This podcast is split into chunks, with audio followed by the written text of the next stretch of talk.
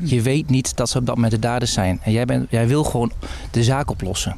En op het moment dat je het dan wel weet. Ja, dat is bizar. Dan ga je erover nadenken. Door deze weerzinwekkende moord, waarvoor verdachten of zijn mededaders geen enkel begrijpelijk motief hebben kunnen geven, is de rechtsorde in zeer ernstige mate geschokt.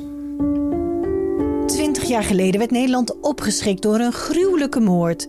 De 16-jarige Maya Braderic uit Nijmegen werd door haar beste vrienden vermoord. Ze staken daarna haar lichaam in brand en gingen vervolgens gewoon haar ongeruste ouders helpen zoeken naar de vermiste Maya. Het is een moordzaak die mij, Annemieke Schakelaar, nooit heeft losgelaten. En met uh, Selkja Braderic, de moeder van Maya, loop ik uh, naar het graf. Och ja, jeetje. Ja, dit kan ik me nog goed herinneren.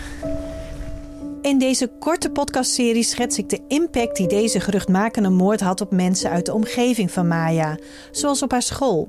Ik had niet kunnen bedenken dat ook een vriendin van haar, die bij ons op school zat, daarbij betrokken zou kunnen zijn. En ik weet, werd door de buurman van Maya's ouders. Die haalde me tijdens zo'n herdenkingsbijeenkomst, riep hij en zei... er is er ook eentje van jou bij betrokken. En uh, ik dacht dat ik door de grond zakte. Ik dacht, hoe kan dat nou? Ik vertel hoe heftig dit was voor haar vriendinnen... en praat met rechercheurs van toen.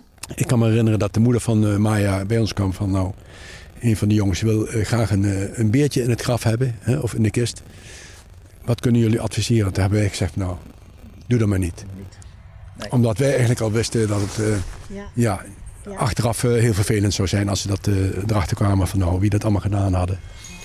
Hoe ligt er graf er nu bij? En de plek waar ze in brand werd gestoken in de uiterwaarden bij Bemmel? Ja, Verdeel steek even een kaars aan, lastig met de wind. Luister vanaf 17 november, de sterfdag van Maya, naar de eerste aflevering van de driedelige podcastserie Maya Bradric voor altijd 16, die ik maakte voor Omroep Gelderland. Och jeetje, ja, de kamer is er nog exact zo als 20 jaar geleden.